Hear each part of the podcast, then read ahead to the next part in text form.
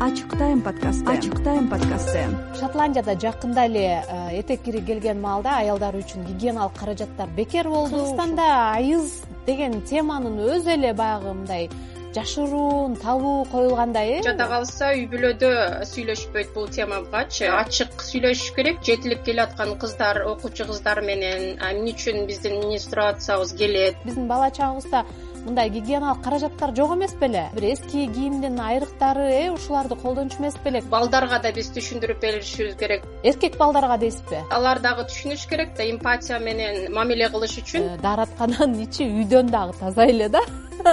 Анан э, мен менен кичинекей курстагы кыздарды чакырат элем да келгиле биздин.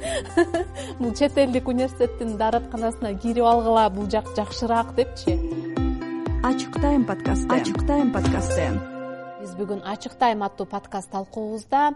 Шотландияда жакында эле э, этек кири келген маалда аялдар үчүн гигиеналык каражаттар бекер болду. Ушул дал ушул гигиеналык каражаттардын кыргыз аялдары үчүн кыргыз кыз келиндери үчүн маанисин талдамакчыбыз. Бул үчүн биз атайын эксперт айнуска шерипканова менен байланыштабыз. Айнуска айым саламатсызбы саламатсызбы бактыгүл мына жакында эле шотландияда ушул гигиеналык каражаттар айыз маалында келип калганда аялдар үчүн баары бекер болуптур да бул шотландия дүйнөдөгү биринчи өлкө болду. Ушундай чечим кабыл алганчы. Анан мисалы мен кыргыз сегментине бул теманы жазсам социалдык медиада аябай кызуу талкуулашты аялдарчы.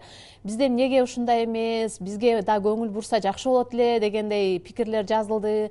Анан деги эле ушул нерсеге сиздин көз карашыңыз кандай болду? Кандай кабыл алдыңыз жаңылыкты.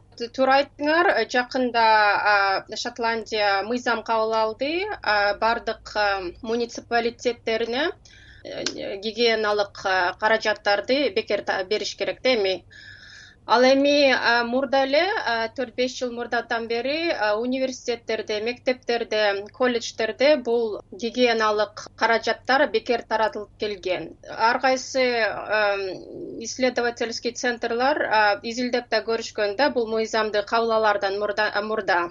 Себеби дегенде кыздардын арасында көптөрүнүн каражаттары жок болот экен. Айызы келгенде ушул санитардык гигиеналык каражаттарды алганга.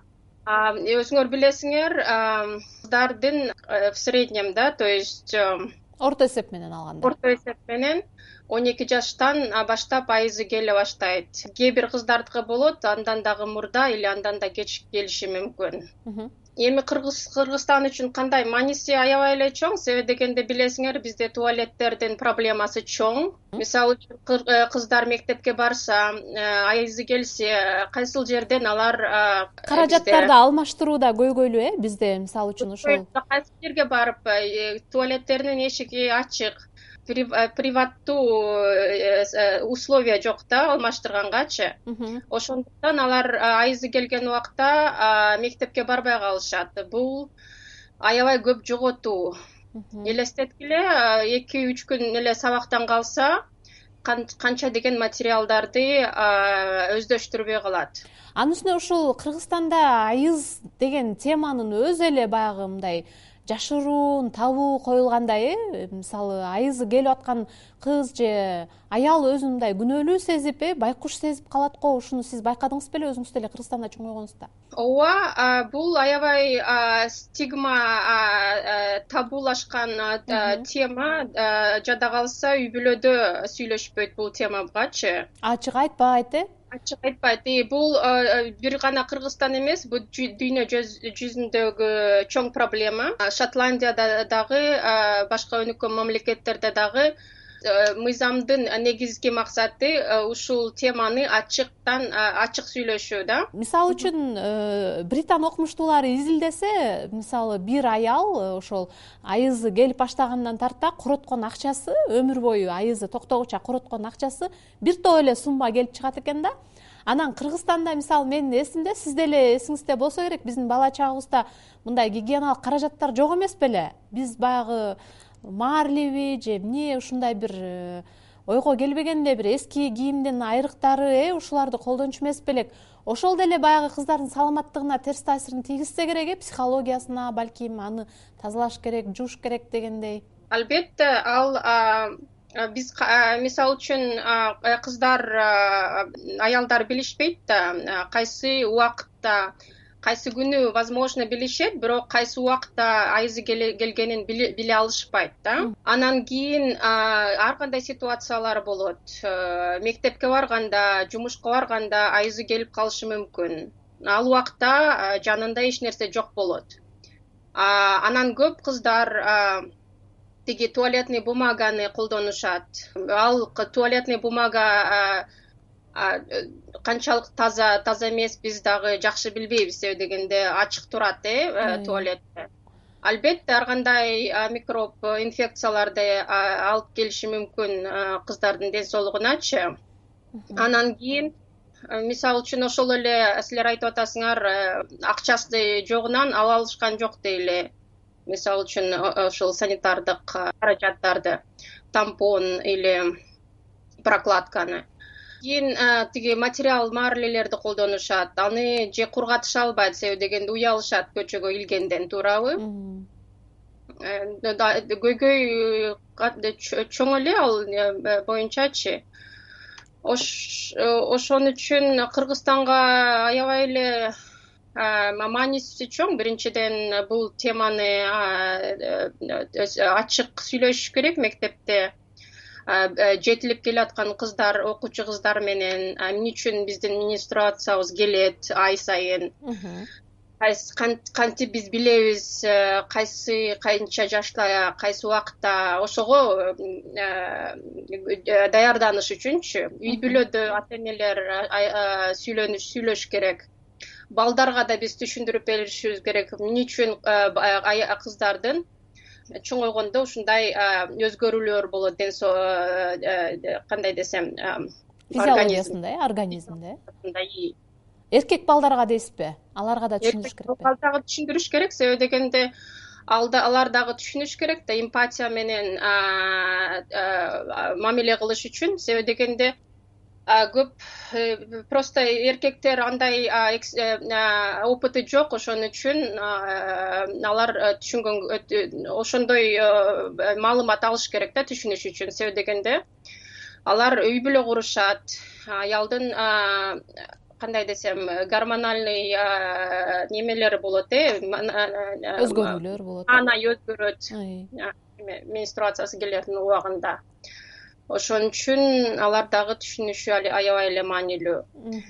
Мектептерде бизде мисалы үчүн бир күн келип врачтар айтып кетчү эле бирок ал маалымат жетишсиз. Себеби дегенде блоктор болуш керек. Минимально бир ай эки ай э, жаш өнүгүп келаткан э, денеси өнүгүп аткан кыздар балдар кыздар менен особенно даярдаш үчүн сүйлөшүш керек бул темадачы. Мындай бир дагы маселе болуп атат да ошол эле шотландиянын мисалын да алып карасак э, мен мисалы өзүмдүн журналисттик тажрыйбамда байкап көрсөм ошо кыргызстандагы аялдардын дээрлик сексен проценти ар түрдүү гинекологиялык оорулар менен ооруйт экен да азыркы төрт жашындагы аялдардынчы Э, жок эле дегенде четинен эле текшерсеңиз мындай бир мындай жөнөкөй бир инфекция же болбосо э, вирус чыгышы мүмкүн да ар бир аялдан бактерия чыгышы мүмкүн да. Анан ушунун баары ошол гигиеналык каражаттарга барып такалгандай сезим болду да. Себеби мисалы кандай десем мындай сапаттуу гигиеналык каражатың жок болсо сиз айткандай чүпөрөктү кургатып эптеп ным бойдон деле салып жүрө берсе андан ар кандай бактериялар жугат анан ошону мисалы мен пост жазганда көп келиндер кыздар жазышты да ооба биздин айылда дагы ушундай окуя болду эле жаңы келген келин баягы үйүндөгүлөрүнө айта албай менструациясы келгенин айта албай анан ушинтип мындай ооруп катуу ооруп баягы тукумсуз болуп калганга чейин алып барган депчи. Деги эле ушул э, гигиеналык каражаттарды туура эмес пайдалануу же э, алардын таптакыр жок болушу аялдын саламаттыгына кандай таасир этет? Мен эми врач эмесмин. Мен ал суроого мындай медициналык жактан жооп бере албаймын. Бирок мисалы үчүн гигиенабызды сакташ аябай маанилүү э? гигиенасы биздин приватный жактарыбыздын гигиенасын сакташты дагы мектеп ошол үйрөтүш мектеп үй бүлө дагы үйрөтүш керек да. Например подмываться этиш керек кандай чистота менен например эртең менен кечинде то есть аябай эле маанилүү особенно кыздар үчүн да. То есть немени дагы мисалы үчүн бул жакта врачтар жаңы төрөлгөн балдарды кыздарды особенно үйрөтүшөт да. Эне жаңы төрөгөн энелергечи мисалы үчүн кызды кантип тазалаш керек? Например по большому барсак э, в какую сторону кайсы тарапка э, арчыш керек чтобы Э, калы э, немесине э, вагинасына кирбеш үчүн. И кандай неме порядок менен жууш керек ошол маанилер ошондой информацияны үйрөтүшөт. Шотландияда терапевттер педиатрлар үйрөтүшөт ошондой жаңы төрөгөн апаларга особенно кыз кыз төрөгөн болсо айтышат кантип ухаживать этиш керек. Кыздын кызды караш керек да ошондой. Сиз э, мен билгенден ошол э, өнүгүп келе жаткан өлкөлөрдөгү дааратканаларга болгон э, мүмкүнчүлүктөрдү дагы изилдеп жүрөсүз э? Анан ачык асман алдында ошо эч кандай тосмосу жок үстүндө тосмосу жок эле ачык асман алдында дааратканасы жок жашаган элдердин катарына кыргызстан дагы кирет ошонун өзү дагы аялдардын ден соолугуна же болбосо алардын социалдык абалына тескери таасир тийгизип аткан жокпу? Албетте тескери таасирин тийгизет. Элестеткиле он эки жаштагы кыз мектепке барат.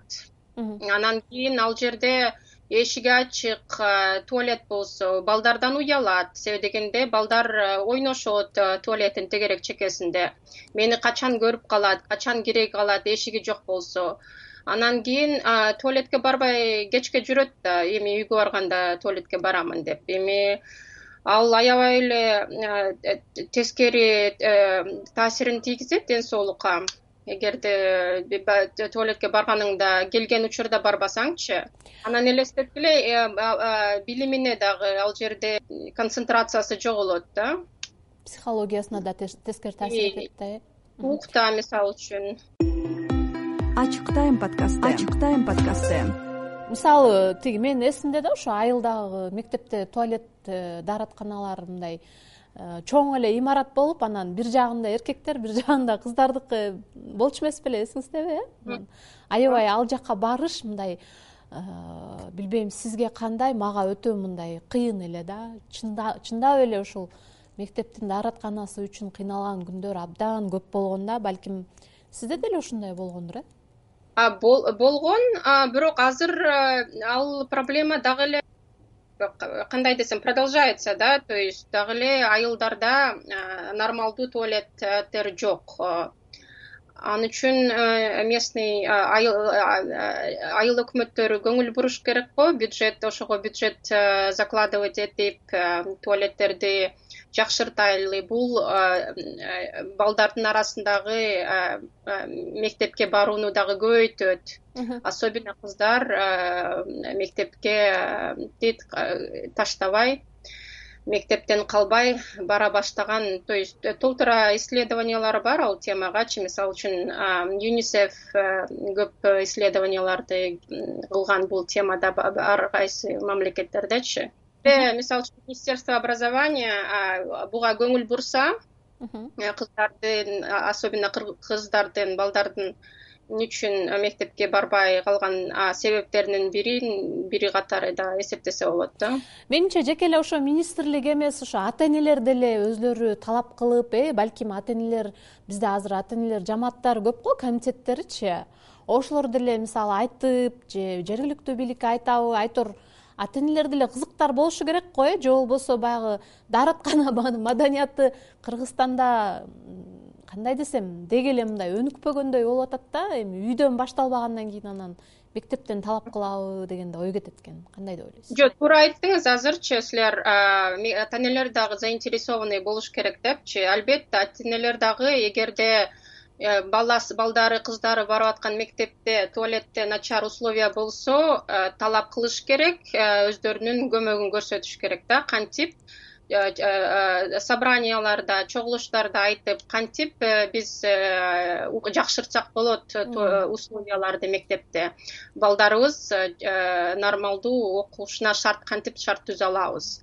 И туалетти туалеттерди жакшыртуу бул ошол шарттарды жакшыртуунун бири да анан жакында бир эки үч жыл болуп калды го мен ошо массалык маалымат каражаттарынан окудум эле да индияда бир ата аябай кызынын ошол э, менструалдык айыз циклы келген маалын өзү байкап калып көрүп калып анан индияда да аябай кызыктай салттар бар го. Мисалы э, айызы келсе камап койгон деген сыяктуучу.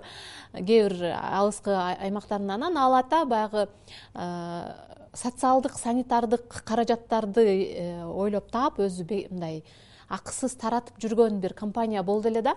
Анан бизде дагы балким ошо аталардын билимин арттырып э, анан чечим чыгаруучу саясатчылар болот эмеспи чоң чоң ошолорду деле ушундай маселелерге кандайдыр бир жол менен маалымат компаниялары менен тартып келиш керекпи?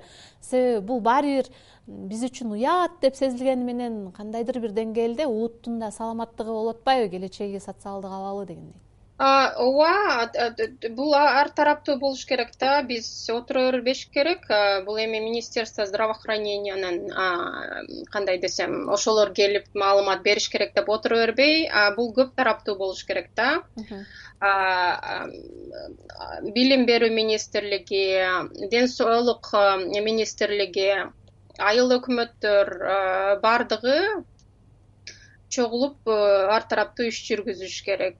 И силер айтып кеткендердей ата энелер дагы э, четте карап турбаш керек. Алар дагы э, бул мындай маанилүү вопросторго суроолорго активно катышыш керек да. Менин балам менин кызым канткенде жакшы билим ала алат. То есть эгер жакшы билим ала албаса анда кийин э, тапкан акчасы дагы жакшы болбойт. Ошон үчүн мектепте канткенде жакшы билим ала алышат.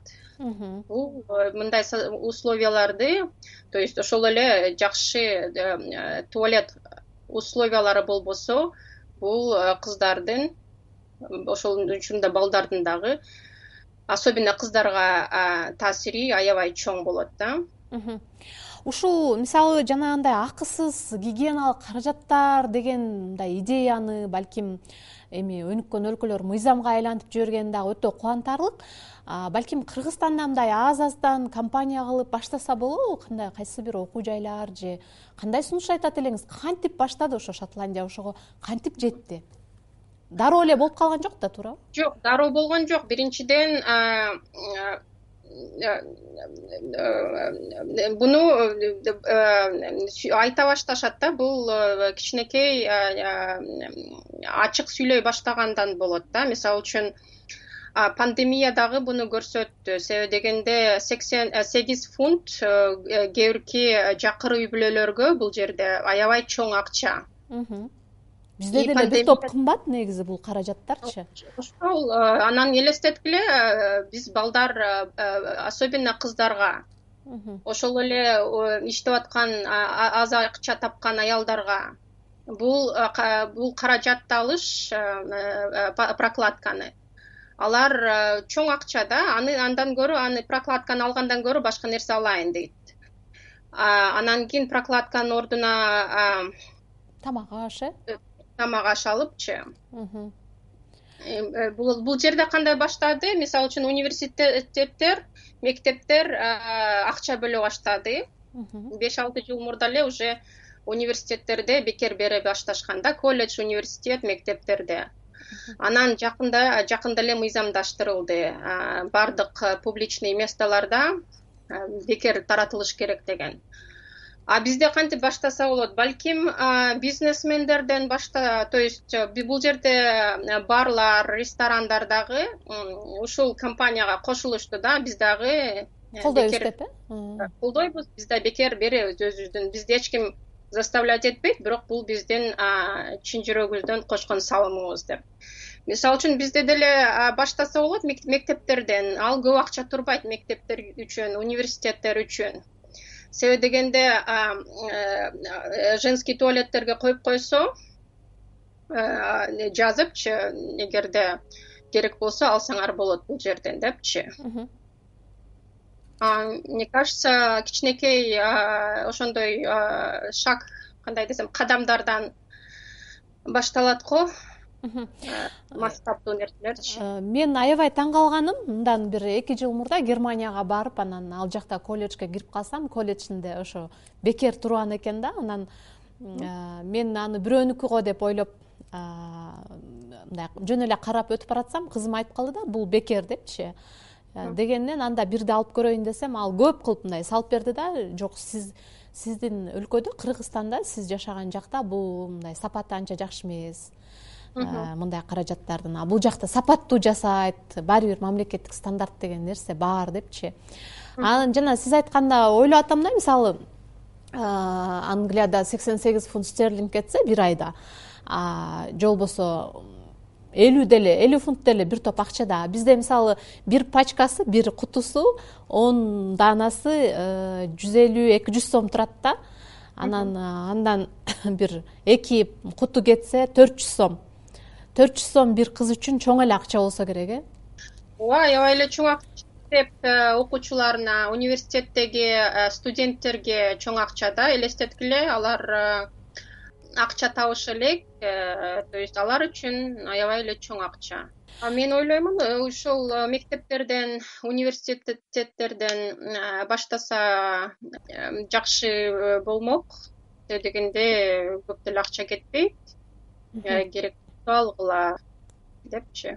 Биздин мисалы үчүн мен азыр э, куин маргарет э, университетинде окуп атам. Бизде дагы тампон прокладкалар э, бекер турат женский туалеттерде каалагандар алышат анан кээ бир аялдар ошол шотландия тууралуу кабардын этегине жазып атышат да бизде бекер болсо бизде маданият жок муну мындай ченеми менен алайын мага өзүмө керектүүсүн эле алайын деген маданият жок кыргыздар көмкөрүп эле баарын алып кетип калат деп мындай ишенбөөчүлүк дагы болуп атат да. Ошо мындай э, жөнөкөй э, маданиятты да үйрөтүш керек го э мындай бул бекер болгондон кийин. ошондой э, албетте ошентип ойлошот. Биздин менталитет ошондой бекер койсоң салып кетип калышат депчи. Керекпи керек эмеспи анысына карабай деп. Бирок биз андан коркпой. Туура компания баштасак мисалы үчүн ошол туалетке койгондо бир керек болсо гана алгыла деген кандай сообщение маалымат жазышыбыз керек да? Себеби дегенде солидарность болуш керек аялдардын ортосундачы. Мисалы үчүн ошол эле жумушта иногда барып каласың и прокладкаң жок болот. И коллегаларыңан иногда сурап каласың э барбы сенде жок жок депчи. Ал учурда сен эми кайсы магазинге чуркап бара албайсың ыңгайсыз болуп калат э аябай? ушундай аябай көзүңөн өтүп калат да. Ошол учурларда биз э, аялдар дагы түшүнүш керек. Мисалы үчүн э, бул бирөөгө керек болушу мүмкүн. Унутуп калган болот прокладкасын үйүндө. Или акчасы жок э, же акчасы жок болот аны алганга. Ошон үчүн биз ар бир кыз ар бир аял ойлонуш керек да. Бул мага керекпи керек эмеспи. Керек болсо колдон керек эмес болсо балким сенден башка аялга керегирээк мааниси чоңураактыр ошон үчүн ошондой мааниде өзүңө керектүү гана количестводагы прокладканы ал депчи.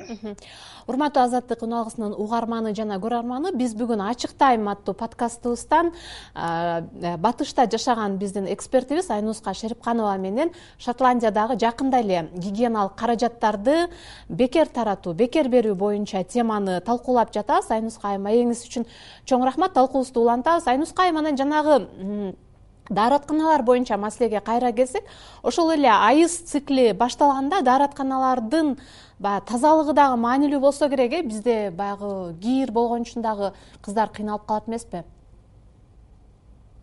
Албетте тазалыгы аябай эле чоң да. Мисалы үчүн биздин общественный жылуу суу э? Жылуу суу мисалы. Состояниясы аябай начар. То есть ал жерге кирип болбойт да мисалы үчүн кээ бирге может быть шаардагы э, мектептерде условия жакшыраак бирок эми айылдагы э, албетте себеби дегенде ошол эле э, мисалы үчүн туалетная бумага кайсыл жерде турат? Ал аябай маанилүү да. Көптөрү жерге коюп коюшат. Эмнеге маанилүү? Ал кайсыл жерде турганы чындыгында көптөр мындай маани деле бербейт го? Кое берет эми жерге ал жерге толтура адам кирип басат. Анан кийин туалетная бумагаң жерде турса эми кайсысында ким кандай колу менен кармап атат аны билбейсиң да. Ошон үчүн самын мисалы үчүн бизде мисалы үчүн жокко эсе э туалеттерде. Ооба. Самын койбойт э дээрлик? койбойт эми ал эми көп деле акча турбайт да мисалы үчүн мектептерге ошол эле университеттерге. Негедир? Ошол самын же болбосо гигиеналык каражаттардын акчасын эсептегенде ал э, мындай чечим чыгаруучу органдарга министрликтерге аябай көптөй сезилет э? Бирок ошонун натыйжасы ал нерсенин жоктугунун натыйжасы абдан оор ооруларга социалдык көйгөйлөргө алып бараарын э, түшүнбөгөндөй болуп атат да. Мага ошондой сезилет? Сизге кандай сезилет? Ооба бирок ушул э, эми студенттер дагы пассивный болбой активно участвовать этиш керек да. Мисалы үчүн студент представительдери ушундай вопросторду көтөрүш керек. Мисалы үчүн ар бир университетте колледжде или мектепте комитеттер болот туурабы э, студенттерди мектептеги окуучуларды представлять эткен ошол ошол ошондой комитеттерге идея бериш керек.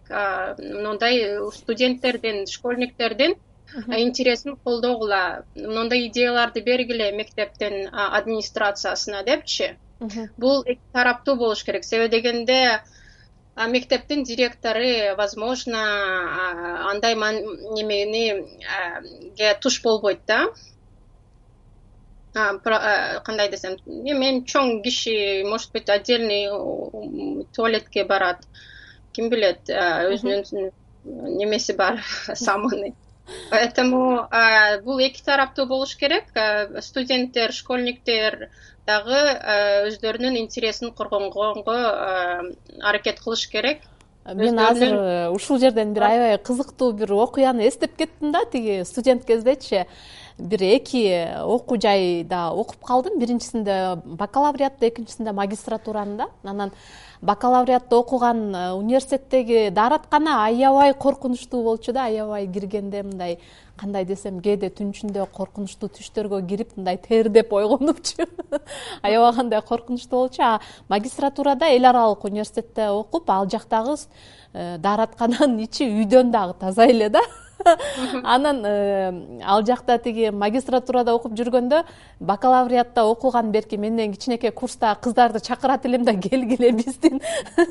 Бул чет элдик университеттин дааратканасына кирип алгыла бул жак жакшыраак депчи. Себеби ушунчалык мындай кандай десем мындай жүрөктө калат эле да э, ал жактагы тазалык шарттар анан э, өткөндө дагы бир эки үч жыл мурда ошо студенттер арасында университеттердеги дааратканаларды мындай сүрөткө тартып чыгарышты эле да сүрөт фото баян кылыпчы анан аябай таң калгам да мындай жогорку окуу жай дегенге туура келбейт да таптакыр элечи анан сиз айткандай бул көйгөйдү чечүүнү балким э, баарысы жапа тырмак киришиш керек го э студенттер өздөрү да кызыктар болупчу анан.